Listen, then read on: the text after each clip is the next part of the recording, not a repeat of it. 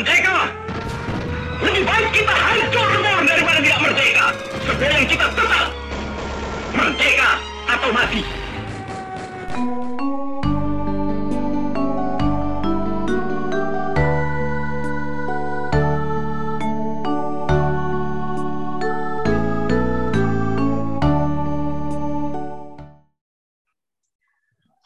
Selamat datang kembali di The Marines Memory Lane, podcast yang jadi teman kalian buat ngobrolin soal sejarah. Apa kabarnya nih teman-teman? Semoga sehat selalu ya. Gak kerasa kita udah hampir mau di penghujung tahun. Kalau lihat lagi ke belakang, ternyata ada banyak topik sejarah yang kita hadirkan di podcast ini. Tapi tenang, soalnya masih banyak banget pengetahuan sejarah yang mau kita bagi sama kalian. Nah, di episode kali ini, Temolen berhasil mendatangkan dua orang yang keren. Salah satunya adalah moderator khusus untuk episode kali ini. Coba deh, aku mau sapa dulu yang mau nemenin kita buat ngobrol-ngobrol di sini. Halo Dewa, gimana kabarnya?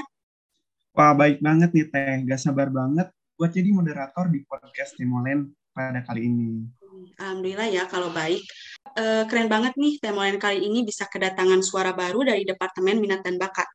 Tapi selain itu, hal yang mau kita obrolin juga seru banget.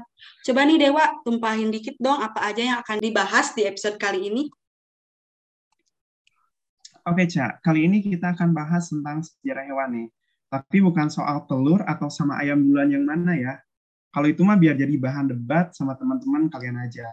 Teman-teman, pernah dengar nggak sih soal Hari Binatang Sedunia yang diperingati tanggal 4 Oktober atau Hari Cinta Puspa dan Satwa Nasional yang diperingati tanggal 5 November kemarin. Hmm, aku pernah dengar tuh. Terus hubungannya sama pembahasan kita kali ini itu apa ya, Dewa? Nah, kedua hari tersebut diciptakan untuk meningkatkan kepedulian kita terhadap hewan. Juga agar kita bisa melindungi serta melestarikannya, khususnya untuk Hari Cinta Puspa dan Satwa Nasional. Sebenarnya ada pembahasan tentang flora juga di dalamnya, tapi dalam kesempatan kali ini kita bakal fokus dulu ke sisi faunanya agar sesuai dengan tema podcast kita kali ini.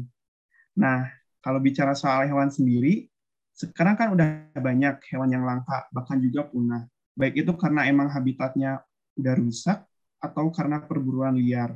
Yang beritanya sering banget nih kita dengar. Hmm, benar banget tuh. Minis banget kan tiap ada kabar soal hewan-hewan yang sudah terancam punah.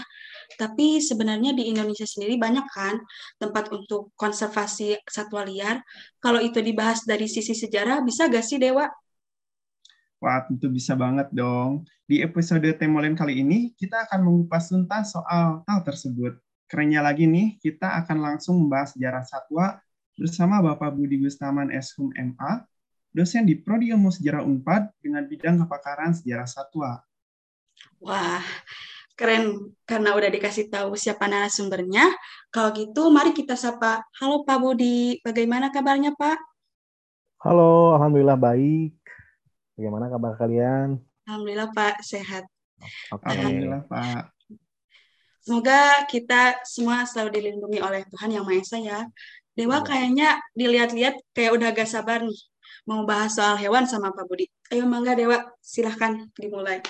Wah bener banget tuh Teh. Jadi kita nggak nggak sabar nih buat bahas tentang hewan nih, sejarah hewan. Oke Pak, karena kita punya beberapa pertanyaan soal sejarah konservasi satwa liar di Indonesia. Yang pertama nih Pak, kalau bicara soal hewan liar yang langka atau punah, kita seringnya mendengar hal itu bisa terjadi karena perburuan liar ya kan. Nah, kalau dilihat dari perspektif sejarah nih Pak, sebenarnya di Indonesia sendiri apakah perburuan liar terhadap satwa liar itu sudah terjadi sejak lama dan apa penyebabnya sih Pak?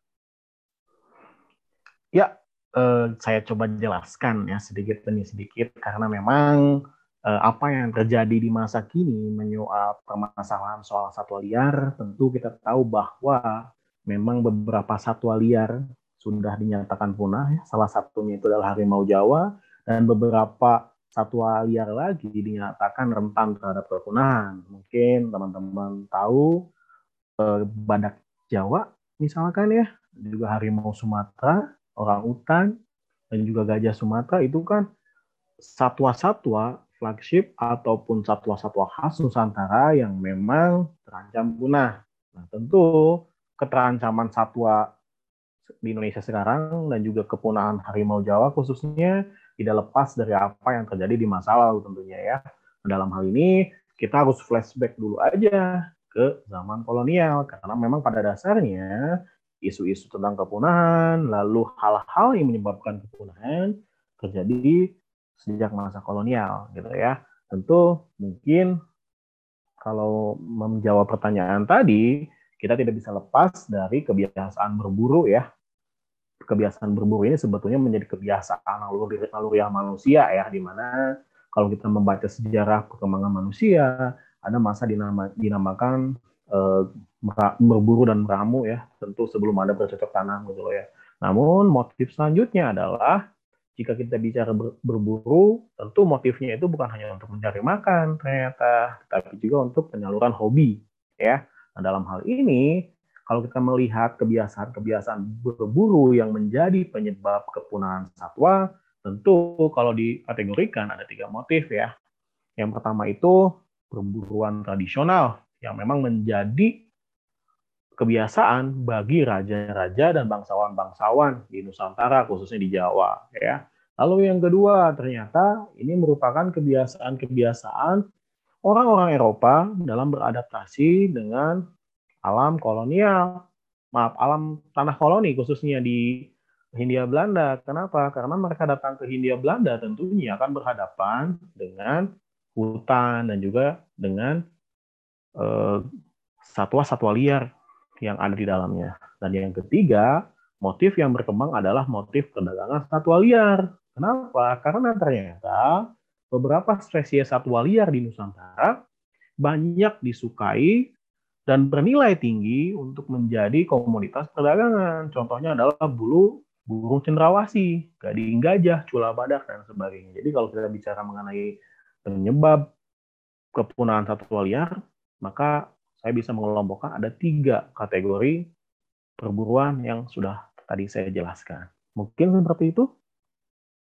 Oke Pak, seperti yang dijelaskan Pak Budi tadi, ada tiga uh, motif perburuan liar uh, untuk satwa liar sendiri. Yang ya. pertama itu perburuan tradisional ya Pak, Betul. kebiasaan dari bangsawan raja-raja Jawa. Yang kedua itu kebiasaan orang Eropa terhadap pembiasaan atau seperti yang kita kenal dengan adaptasi dengan Betul. tanah koloni. Dan yang ketiga adalah perdagangan dari satwa liar Nah, tentunya nih Pak, kalau bicara soal perburuan liar sendiri, pasti akan berdampak pada kelangkaan satwa tersebut dan berimbas pada ekosistem. Nah, pastinya ada langkah-langkah yang dilakukan untuk mengatasi hal tersebut. Gagasan mengenai konservasi satwa liar di Indonesia itu pertama kali muncul di mana ya Pak? Dan serta apakah ada pemicu khusus dari dilakukannya konservasi tersebut Pak? Oh, Oke, okay. jadi mungkin sebelum saya menjelaskan mengenai akar dari eh, ide-ide konservasi, saya akan menjelaskan kembali mengenai tipe perburuan tadi ya. Kira-kira mana sih yang paling menjadi penyebab kepunahan satwa liar gitu ya. Nah, yang pertama, kalau kita melihat rekreasinya para raja dan bangsawan melalui perburuan, tentu ini sudah terjadi sejak zaman uh, Majapahit ya. Negara Kertagama uh, menjelaskan bahwa ternyata Raja Majapahit pada waktu itu sering melakukan perburuan ya. Bahkan ya negara Kertagama merupakan eh, naskah tertua yang menuliskan tentang adanya kegiatan berburu. Ya namun perburuan di sini kan memang untuk menyalurkan eh, hobi dan juga untuk menjadi pengkaderan seorang pangeran untuk menjadi seorang raja kayak gitu ya. Jadi sebagai uji kelayakan aja gitu loh. Namun demikian, kalau kita beralih ke uh, sekitar abad ke-19, awal abad ke-19, mungkin teman-teman pernah tahu bahwa ternyata di Keraton Mataram itu sering ada yang dinamakan acara rampokan atau kalau istilah kerennya itu disebut gladiator Jawa ya. Nah, kenapa saya menyebutkan hal ini? Ternyata kebiasaan ini itu merupakan hajatan besar kerajaan yang mengharuskan bahwa pada hajatan ini harimau Jawa itu harus dihadirkan beratus-ratus ekor untuk dibunuh kayak gitu ya. Bahkan suatu data menyebutkan kesaksian dari The Half ya, seorang Belanda yang menjadi duta besar di Mataram bahwa ya ada sampai 200 ekor harimau disediakan dalam satu pertunjukan rampokan. Tentu kalau kita menilai fakta ini cukup oh, wow gitu ya, cukup miris ya bagaimana 200 harimau Jawa yang kita ketahui sudah punah sekarang dihadirkan untuk acara rampokan. Dan ini berlangsung hingga awal abad ke-20. Itu yang pertama ya. Ya, lalu selanjutnya kalau kita melihat eh, perkebunannya di, perkebun, di perkebunan, kita kan tahu bahwa kultur stelsel ataupun eh, dibukanya perkebunan-perkebunan karena undang-undang agraria itu kan cukup merambah hutan-hutan yang ada di Jawa dan Sumatera khususnya ya. Kenapa? Karena ya kebijakannya itu misalkan kalau di Priangan harus menanam kopi hingga ke pegunungan ya. Lalu kalau di Sumatera Timur kita tahu bahwa ada perkebunan deli yang mengharuskan merambah hutan gitu ya. Nah, di sanalah sebetulnya pertemuan antara satwa liar dan manusia itu ya bertemu gitu ya sebetulnya manusia manusia sendiri sih yang salah gitu. Kenapa? Karena merambah habitat satwa liar. Dalam hal ini kebijakan kolonial lah yang memang punya peran yang besar untuk mempertemukan manusia dengan satwa liar karena harus merambah hutan. Nah, di sini ternyata ada yang cukup unik ya yang menjadi penyebab yang paling penting bagi kepunahan satwa liar, yakni karena adanya gangguan-gangguan terhadap pekerja perkebunan misalkan banyak sekali yang dimangsa, banyak sekali pekerja yang hilang tiba-tiba eh, ya hanya tinggal nama gitu ya, banyak dimangsa harimau dan sebagainya itu banyak banget diceritakan di koran-koran kolonial gitu ya pada abad ke-19. Nah, dalam hal ini pemerintah kolonial tidak tinggal diam ternyata. Mereka lalu membuat sebuah ordonansi ya atau aturan ya kalau kita terjemahkan ya.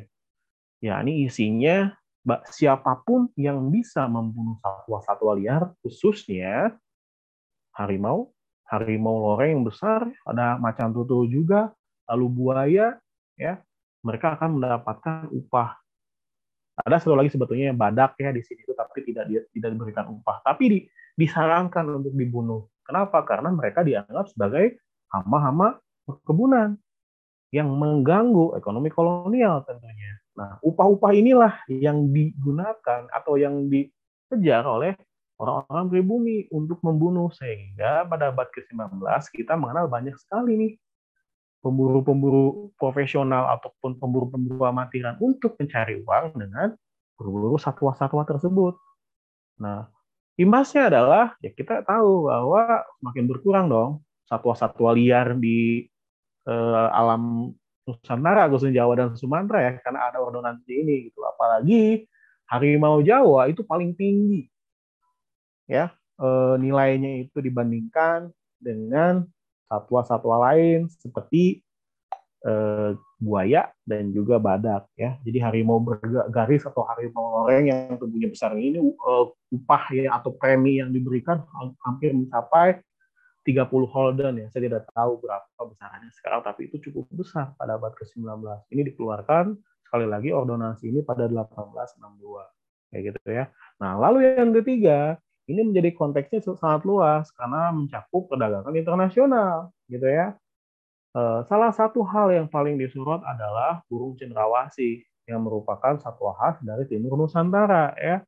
Nah, cendrawasih ini eh, sangat diinginkan oleh rumah-rumah fashion di Eropa seperti Amsterdam, Vienna, Paris dan sebagainya. Kenapa? Karena bulunya yang sangat indah itu menjadi bahan baku bagi topi ataupun mantel ataupun baju wanita-wanita Eropa. Kalau kita kenal ini merupakan istilahnya itu adalah Victorian style.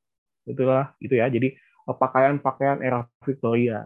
Nah, di sinilah kemudian orang Eropa mencari bahan baku ternyata bahan bakunya itu ada di koloninya Belanda, ya di India Belanda, gitu ya, di timur Nusantara. Nah, di sinilah terjadi sebuah proses perburuan yang sistematis ya, bagaimana orang-orang Eropa menyewa ataupun membayar eh, para pemburu amatiran, ya orang-orang pribumi untuk masuk ke pedalaman Papua, lalu mereka berburu secara langsung, ya eh, di pohon-pohon. Kalau kita pernah baca ya salah satu karya monumental dari Alfred Russel Wallace ya The Malay Archipelago yang sekarang diterjemahkan menjadi buku Kepulauan Nusantara.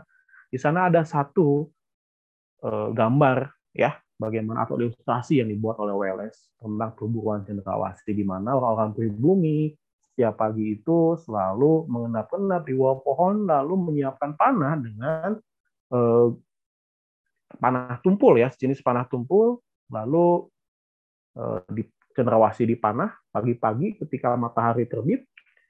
Setelah itu ada yang jatuh bulunya itu diambil dan diawetkan lalu di, di packing hingga ke luar negeri. Tentu proses inilah yang membuat salah satu maskapai eh, maskapai kalau sekarang Pelni ya, eh, dulu namanya KPM ke paket maskapai atau perusahaan pelayaran Hindia Belanda membuka secara khusus pelabuhan-pelabuhan ke pedalaman Papua demi untuk mengangkut harta yang paling banyak diminati oleh orang-orang di Eropa sana gitu ya ini bulu cendrawasih Lalu packing ini tuh eh, apa namanya pendistribusiannya itu dari pedalaman Papua ke Makassar, lalu eh, lagi hingga ke Batavia, Batavia lalu ke Singapura sebagai pelabuhan internasional, lalu dibawa hingga ke Eropa sana, gitu ya.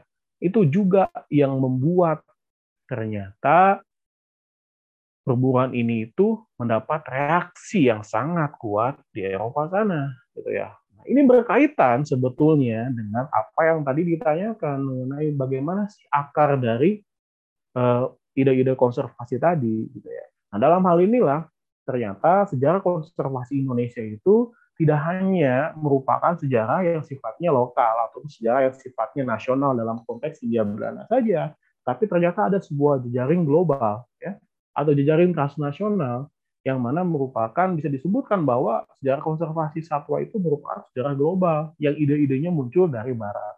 Ya, kalau saya petakan, sebetulnya pada abad ke-19 kalau teman-teman tahu bahwa di Eropa sana itu terjadi suatu perubahan cara pandang manusia terhadap alam, gitu ya.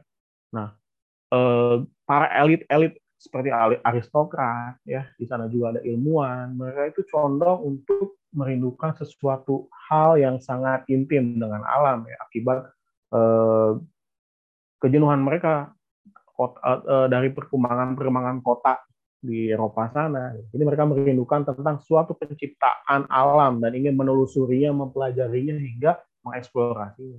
Ya, maka maka terbentuklah orang-orang yang memang sangat mencintai alam dan konsen terhadap alam. Kita bisa mengenal mereka sebagai seorang naturalis ya, yang banyak sekali tergabung dalam kelompok namanya natural history. Gitu ya. Itu terbentuk di beberapa negara di Eropa dan Amerika. Nah, salah satu ide yang terbentuk dalam hal ini adalah dikemukakan oleh uh, Theodore Roosevelt ya pada uh, akhir abad ke-19 tentu kita mengenal dia sebagai salah satu mantan presiden Amerika Serikat ya ya dalam hal ini Roosevelt sebelum sebetulnya kan kita ada dua nama Roosevelt ya ini yang pertama ya bukan yang kedua. Dan dalam hal ini Roosevelt adalah seorang yang mencintai alam dia suka berburu ya. Dia mendirikan sebuah klub khusus bernama Bone and Crockett Club di Amerika sana itu ya. Nah, namun dalam hobinya ini ternyata dia menyadari bahwa objek-objek buruannya ini itu ya banyak yang hampir punah gitu loh ya seperti kuangga yang ada di atau blue antelope yang ada di Amerika Utara gitu. Dan hingga akhirnya dia merumuskan sebuah ide bahwa kalau kita akan berburu kita pun harus memperhatikan aspek-aspek kelestariannya gitu loh. Maka klub-klub berburu yang ada di Amerika sebagai klub-klub hobi lalu menginisiasi adanya ide-ide pelestarian. Ya inilah yang kemudian ditularkan ke Eropa seperti ke Jerman ya, ke Paris gitu ya, ke Prancis dan juga ke Belanda. Belanda juga sebagai negeri induk dari Hindia Belanda terkena pengaruh ini apalagi Hindia Belanda sebagai koloni Belanda ini banyak disorot terkait isu kepunahan cendrawasih tadi. Maka beberapa orang yang penting mungkin saya sebutkan seperti Gebran van Tienhoven, ya seorang uh, nat, uh, seorang naturalis bisa saya sebutkan itu ya yang memang dia peduli terhadap uh, perlindungan alam di Belanda dan juga di Hindia Belanda melakukan lobby-lobby internasional ikut dalam konferensi-konferensi internasional untuk membendung laju perburuan cendrawasih salah satunya dan di dalam negeri ternyata di Hindia Belanda ya ternyata didirikan juga suatu perkumpulan bernama Nederland Initial Vereniging tot Naturbescherming atau dalam bahasa Indonesia perkumpulan pelestari alam di Hindia Belanda. Ya salah satu tokohnya itu yang paling penting adalah eh, Dr. Seifert Henry Corders ya, dia yang menginisiasi pendirian perkumpulan ini pada 1912 yang mana ternyata perkumpulan ini banyak menyuarakan tentang pertama larangan tentang berburuan, yang kedua pen, eh, apa perlindungan terhadap habitat-habitat satwa liar yang diinisiasikan dengan pembentukan monumen alam atau kalau kita kenal sekarang sebagai uh, cagar alam kayak gitu. Kenapa didirikan perkumpulan ini? Pertama, sebetulnya ini perkumpulan swasta ya, bukan perkumpulan pemerintah ya. Jadi ini tuh mengkritik pemerintah juga. Yang pertama itu pemerintah kolonial seakan-akan tidak peduli dengan kerusakan alam gitu loh ya. Lalu yang kedua ya Eh, isu-isu kepunahan dan kerusakan hutan ini harus segera diatasi dengan penetapan-penetapan undang-undang berburuan dan juga undang-undang penetapan cagar alam dan suaka marga. Mungkin seperti itu kalau kita melihat akar dari eh, ide-ide konservasi yang ternyata bukan hanya langsung dikemukakan di Hindia Belanda, tapi akarnya itu ada dari Amerika dan juga dari Eropa. Kemudian menular hingga ke Hindia Belanda. Mungkin seperti itu penjelasan dari saya. Oke, okay, uh, wah ternyata sejarah konservasi ini tidak hanya tentang sejarah lokal atau sejarah internasional dari Hindia Belanda sendiri, tetapi merupakan suatu jejaring global yang melibatkan pandangan-pandangan dari negara Eropa ya Pak. Nah, jika dikaitkan dengan kolonialisme, apakah penyelenggaraan konservasi satwa liar ini merupakan bagian dari usaha pemerintah kolonial Belanda untuk menguasai Hindia Belanda secara menyeluruh, Pak? Ya, mungkin eh, kalimatnya mungkin tidak tidak langsung bisa disebutkan sebagai upaya dalam penguasaan ya, karena pada dasarnya kalau saya melihat dan membaca fakta-fakta historisnya, kemunculan ide-ide tentang perlindungan satwa liar itu muncul secara natural ya, dalam artian bahwa iklim yang muncul di Hindia Belanda dan di beberapa tanah-tanah koloni negara Eropa lain di Asia dan Afrika menjelang abad ke awal abad ke-20 itu kan liberalis ya, liberalis, ada kaitannya dengan muncul-munculnya paham-paham humanis gitu lah ya. Bahkan salah satu aspek nilai-nilai dari politik etis di sini itu eh, dikemukakan dalam kaitannya dengan pendirian perkumpulan pelestarian alam India Belanda tadi ya jadi bukan hanya diterjemahkan hanya sebatas perluasan edukasi atau sekolah ya, tidak hanya diterjemahkan dengan perluasan irigasi kayak gitu ya, tapi dalam artian ternyata nilai-nilai moral ya itu juga harus diperluas gitu ya. Nilai moral itu bukan hanya terhadap sesama manusia ternyata, tapi juga untuk sama makhluk ciptaan Tuhan. Makanya di sini gagasan mengenai adanya ide-ide konservasi di Hindia Belanda ya berkaitan juga dengan politik etis bahwa yang dinamakan konservasi satwa itu menjadi bagian dari nilai-nilai moral, bagian dari semangat di uh, cetuskannya politik etis di sini itu ya. Jadi saya pikir ini berjalan uh, secara natural dan bahkan kalau kita lihat polanya itu ini bukan bukan pemerintah kolonial secara langsung sebetulnya yang menyelenggarakan ide-ide atau yang mengemukakan ide-ide konservasi, tapi dari orang-orang swasta, ya orang-orang swasta atau dari individu-individu ilmuwan-ilmuwan dan atau naturalis-naturalis yang merasa eh, prihatin terhadap kondisi alam koloni yang banyak dirusak karena kepentingan-kepentingan kolonial. Jadi justru kepentingan-kepentingan kolonial tadilah yang disorot seperti apa? Seperti tadi perluasan perkebunan, ya seperti di Sumatera Timur ataupun uh, di Jawa gitu ya lalu juga pertambangan-pertambangan yang banyak dibuka dan dan membuka hutan dan merusak hutan. Dan tadi yang ketiga seperti yang saya sebutkan adalah perdagangan perdagangan eh, cenderawasi dan satwa-satwa liar lainnya. Itulah kepentingan-kepentingan kolonial yang banyak disorot oleh dunia internasional melalui lembaga-lembaga konservasi nah, kayak gitu. Jadi kalau saya bilang ini bukan eh, niatan langsung dari pemerintah kolonial untuk menguasai gitu ya. Meskipun pada akhirnya protes-protes ini itu diakomodir ya oleh pemerintah kolonial ya. Diakomodirnya itu dengan membuat atau regulasi atau undang-undang khusus tentang larangan perburuan dan juga penetapan eh, cagar alam dan suaka marga satwa. Kayak gitu ya. Kalau saya kronologi eh, bahwa eh, penetapan atau perlindung eh, penetapan regulasi atau undang-undang perlindungan alam ini itu sudah dimulai sejak tahun 1909 ya. Dengan didirikannya so, eh, so maaf dengan dimunculkannya ordonansi perlindungan eh, binatang ah sorry burung dan mamalia ya pada tahun 19 1909 eh, di sini itu ya.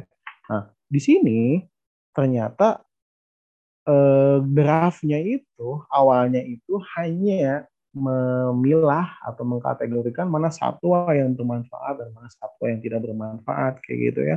Nah, di sini itu pada akhirnya di list beberapa satwa yang berman yang yang yang harus dilindungi. Misalkan di sini ada eh, komodo ya mamalia yang dilindungi. Lalu yang lainnya itu kalau dilihat ada beberapa yang belum dilindungi seperti harimau yang masih uh, dianggap berbahaya ya. Lalu kayak misalkan ayam hutan, burung dara yang kayak gitu yang tidak ada kaitannya sama sekali dengan kepentingan kolonial itu dibebaskan untuk diburu kayak gitu ya. Nah, eh, yang lain ya seperti tadi halnya eh, komodo itu dijadikan sebagai satwa-satwa yang dilindungi. Itu peletakan pertama dari ordonansi tahun 1909 ya kalau kita sebut ordonansi perlindungan bagi mamalia dan burung liar. Uh, ordonansi tot bescherming van sommige in levende zoogdieren en vogels uh, tahun 1909. Ber, uh, perkembangan selanjutnya ternyata ordonansi ini uh, tidak ampuh ya untuk menghalau perburuan satwa liar masih tetap ada aja gitu ya. Ada saja perburuan-perburuan yang dilakukan. Untuk itu pada tahun 1974 dimunculkan kembali yang dinamakan Yah Ordonansi atau Undang-Undang eh sorry atau Ordonansi Perburuan atau Undang-Undang Perburuan. Dalam ordonansi, ordonansi ini tertera sekitar 61 satwa liar yang dinyatakan dilindungi ya. Salah satunya adalah badak Jawa ya yang mulai dilindungi karena dia sadari sudah uh, punah. Nah, ternyata dalam pelaksanaannya undang-undang perburuan di sini itu justru untuk memanage perburuan, tidak melarang secara langsung, tetapi bagaimana jika perburuan tersebut mengindahkan nilai-nilai kelestarian. Seperti misalkan ada musim kawin, ya diperhatikan itu musim migrasi. Jadi ada waktu-waktu berburu tertentu. Makanya ini yang disebut sebagai manajemen perburuan atau sekali lagi perburuan yang dibolehkan tetapi dengan mengindahkan nilai-nilai kelestarian. Nah, makanya pemerintah kolonial memunculkan surat-surat izin untuk berburu atau lisensi berburu untuk para pemburu gitu ya. Misalkan yang paling besar itu eh, gajah ya eh, gajah itu bisa sampai 150 holden dan juga cendrawasih. Meskipun dilindungi cendrawasih masih diperbolehkan diburu ya dengan adanya lisensi-lisensi tadi. Ada banteng 100 holden gitu ya. Nah, namun ternyata eh, pembayaran lisensi di sini jauh lebih kecil dibandingkan dengan nilai satwa liar yang sangat besar di pasaran. Jadi ujung-ujungnya ya undang-undang perburuan ini ya tidak berjalan dengan semestinya juga gitu ya. Tuh, makanya banyak dikritik juga. Nah, selanjutnya pemerintah kolonial ternyata mendengarkan aspirasi dari eh, uh, Netherlands, Indonesia atau uh, apa namanya? Tot Naturbescherming ya atau perkumpulan pelestarian Hindia Belanda dengan juga mendengarkan untuk pembuatan kawasan-kawasan khusus untuk melindungi habitat-habitat satwa liar. Maka tahun 1916 itu dicetuskanlah undang-undang natur, uh, mon, uh, natur atau undang-undang monumen alam. Monumenten Natur Monumenten Ordonansi ya tahun 1916 Nah, di sini merupakan cikal bakal pembentukan cagar alam ya di Hindia Belanda yang nantinya akan disempurnakan eh, dengan dimunculkannya undang-undang tahun 1932 eh, ya Natur Monumental and Bioservatan Ordonansi eh, undang-undang cagar alam dan suaka marga satwa. Kenapa sih harus dibentuk kawasan-kawasan dilindungi ini karena untuk melindungi habitat satwa liar. Karena pada prinsipnya satwa liar itu ya kehidupannya itu tidak tidak lantas berdiri sendiri sebagai individu atau kelompok, tetapi melekat secara utuh dengan habitatnya. Makanya ketika habitat satwa liar rusak, ya individu satwa liar dan juga kelompok satwa liar maka akan punah juga. Gitu. Jadi harus sepaket perlindungan individu dan juga perlindungan habitat kayak gitu loh ya. Mungkin seperti itu. Oke, tadi udah dibahas kan uh, tentang sejarah atau uh, aturan-aturan dari uh, manajemen perburuan di masa Hindia Belanda gitu dan bahkan tadi juga disebutkan nih tentang aturan-aturan uh, Natur Monumenten yang tadi disebutkan sebagai uh, cikal bakal dari uh, pendirian cagar alam. Nah, kalau kita lihat sekarang nih, mungkin tempat konservasi satwa yang terkenal ada Taman Safari Indonesia di Bogor atau Taman Nasional Ujung Kulon yang dikelola oleh pemerintah. Nah, saya jadi penasaran nih, Pak. Tempat konservasi satwa liar atau cagar alam di Hindia Belanda atau Indonesia. Itu pertama kalinya dibangun di mana sih, Pak? Oke. Okay. Uh, eh, Tadi uh, sebelumnya didefinisikan ini ya mengenai tentang taman safari atau kebun binatang ya. Uh, sebetulnya itu memang salah satu wahana konservasi, cuman konsepnya berbeda. Kalau kita mengenal istilah ilmu konservasi itu ada konservasi in situ dan konservasi ex situ ya. Kalau in situ itu di habitatnya yang asli, tapi kalau ex situ itu di luar habitatnya. Makanya kita mengenal istilah taman safari ataupun kebun binatang kayak gitu ya. Meskipun nilai-nilai yang sekarang ditonjolkan adalah nilai-nilai konservasi sekaligus hiburan, namun pada kenyataannya adalah wahana-wahana kebun binatang itu ternyata banyak disorot sebagai penjaranya satwa gitu, atau nerakanya bagi satwa liar ya. Mungkin eh, beredar beberapa tahun terakhir, hampir setiap tahun saya pikir ada satwa yang meninggal di salah satu kebun binatang di Indonesia ya. Mungkin teman-teman eh, sering mendengar berita-berita tersebut. Gitu ya. Nah, pada dasarnya kalau kita melihat atau membahas mengenai kebun binatang dan uh, suaka apa tadi eh kebun binatang dan yang salah satu taman safari, yaitu sebetulnya kaidah konservasinya harus diperhatikan. Sebisa mungkin satwa liar itu harus merasa sejahtera, merasa nyaman seakan-akan dia berada di alam liar rumahnya sendiri gitu ya. Makanya kesejahteraan satwa liar itu kan diukurnya itu dari pemberian makan yang layak, pemberian kandang yang memang luas ya. Jadi kandang itu nggak semata-mata dibuat hanya sebatas kaca saja gitu yang sempit ya di mana mereka tidak bisa mengekspresikan eh, eh alamiah kealamiannya kayak gitu. Kayak burung misalkan ya sebatas sangkar yang kecil kayak gitu itu kan eh, tidak bergerak bebas, tidak seperti alam aslinya, gitu. tidak tidak tidak seperti rumah atau habitat aslinya. Jadi eh, itu banyak disorot, ya kebun binatang kebun binatang yang ada di Indonesia khususnya sekarang itu, itu sebagai jadi bukan lagi sebagai sebuah tempat konservasi justru ya gitu. Bahkan miris kalau kita lihat berita-berita bahwa kebun binatang itu sebagai tahanan penjaranya satwa-satwa gitu itu konteks yang lain ya gitu. Nah kalau kita melihat eh, monumen alam yang tadi disebutkan seperti Ujung Kulon ya, monumen alam cagar eh, alam Ujung Kulon, sebetulnya penetapan monumen alam ini di sini itu bukan hanya sebatas penetapan tempat-tempat yang menjadi habitat satwa liar gitu ya. Pada tahun 19 eh, 19 ada penetapan-penetapan uh, cagar alam. Misalkan di sini itu ujung kulon. Ya, ujung kulon memang secara alami di sana itu adalah habi, eh, maaf, ujung kulon tahun 1921 ya di sini ditetapkannya itu. Nah, Ujung Kulon memang ditetapkan sebagai monumen alam dengan alasan utama di sana itu adalah habitat bagi bandar Jawa, ada banteng, ada harimau, ada juga kijang yang dilindungi gitu ya. Lalu juga kalau kita melihat di Priangan ada yang namanya monumen alam Cibanteng dan Cimungkat ya di Priangan di sini itu ya. Nah, untuk melindungi beberapa spesies satwa liar di sana. Gitu. Namun ternyata monumen alam juga ditetapkan terhadap kawasan yang bukan merupakan habitat satwa liar, tetapi dalamnya mengandung atau hidup hal-hal yang sifatnya eksotis ya dan penting gitu ya. E, contohnya itu penetapan monumen alam Bengkulu ya di Bengkulu di sana itu untuk melindungi Rafflesia arnoldi ya atau bunga bangkai raksasa yang merupakan suatu tanaman yang sangat eksotis. Hal lainnya ternyata tempat-tempat eksotik lain juga dilindungi.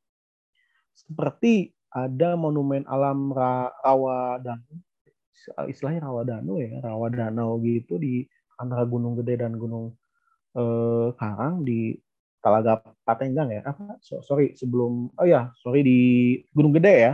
Lalu ada juga Telaga Patenggang maksud saya di Priangan. Nah, di sana itu yang dilindungi justru adalah sumber air ya.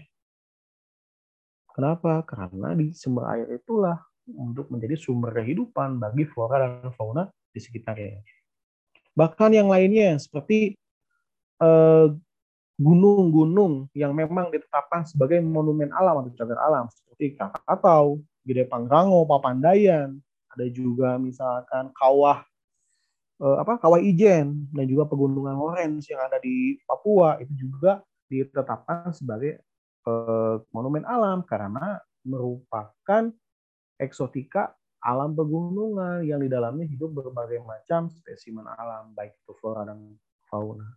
Ya, ada juga tuh kalau tidak salah penetapan monumen alam eh, apa di Bojonegoro ya di gua eh, apa ada ada stalaktit di sana itu stalaktit di eh, gua ngelirik di sekitar Bojonegoro serta ada juga lautan pasir di Tengger juga ditetapkan sebagai monumen alam khusus untuk melindungi eksotika-eksotika alam yang ada di sana.